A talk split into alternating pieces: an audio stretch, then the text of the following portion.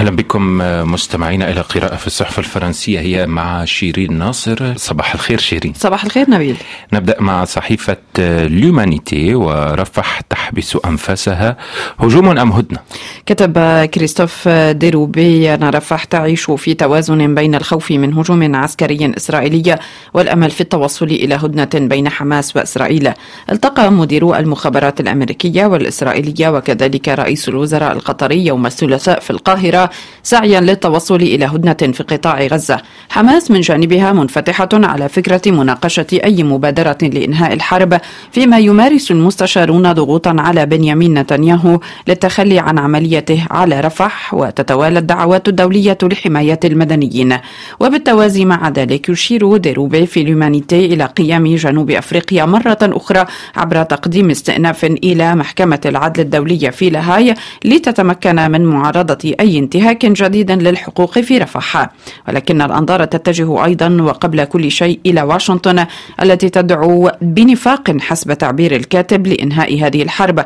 ومع ذلك لم تسعى لإيقاف إرسال شحنات الأسلحة أو تقليل تدفقاتها إلى إسرائيل إنما جعلت مجلس الشيوخ يصوت على حزمة مساعدات للدول الأجنبية بما في ذلك 14 مليار دولار دون قيد أو شرط لإسرائيل. لوموند عنونت ضغط مصري على إسرائيل لتجنب هجوم على رفح. صحيح نقرأ هذا لإيلين سالون مراسلة الصحيفة في بيروت أن التهديد الذي أثاره رئيس الوزراء الإسرائيلي بشن هجوم على رفح يقلق السلطات المصرية إلا أن قدرتها على المناورة محدودة في مواجهة إرادة إسرائيل فيمكنها فقط الاحتجاج واستدعاء دعم واشنطن لمنع فرار سكان غزة إلى سيناء. ولكن ما يطمئن مصر وفق لوموند هو الحزم الظاهر لواشنطن. فخلال مكالمة هاتفية حث الرئيس جو بايدن نتنياهو على ضمان الأمن ومساعدة المدنيين في رفح قبل أي عمل عسكري. ولأسابيع عدة أكدت الإدارة الأمريكية لسلطات القاهرة أنها تعارض التهجير القسري لسكان غزة إلى سيناء. كما تريد واشنطن تجنب تدهور العلاقات بين حليفتيها مع الأمل بالتوصل إلى هدنة بين إسرائيل وحماس في غياب أي مؤشر بأن نتنياهو قد اتخذ بالفعل قرار شن الهجوم على رفح. لو فيغارو تتطرق إلى محاولة جو بايدن تجنب الحرب مع إيران. صحيح الولايات المتحدة مثل إيران أسيرتان لسياساتهما الداخلية حسب ما أوضحه المحلل عباس ميلاني لأدريان جولماس. فلا يمكن برأيه أن تبقى هذه الهجمات من دون رد حتى لو لم تتم متابعتها. وهذا ينطبق أيضا على إيران على مدى السنوات الثلاث الماضية. كانت إسرائيل تنفذ هجمات ضد الجيش الإيراني وحلفائه في سوريا دون أن يفعل النظام الإيراني أي شيء. تتظاهر طهران بتجاهل الهجمات أو عندما يتم إجبارها تعد بالانتقام الذي لا يأتي أبدا. ويتابع الكاتب بالإشارة إلى أنه لناحية الجمهوريين فقد تخلى ترامب عام 2019 عن الضربات المباشرة ضد إيران بعد إسقاط طائرة أمريكية من دون طيار. وفي العام التالي أمر بالقضاء على قاسم سليماني. أما الديمقراطيون وبعد فشلهم باستئناف المفاوضات حول النووي توصلوا إلى إطلاق سراح الرهائن مقابل مبالغ كبيرة جمدتها الولايات المتحدة بموجب عقوبات ضد إيران.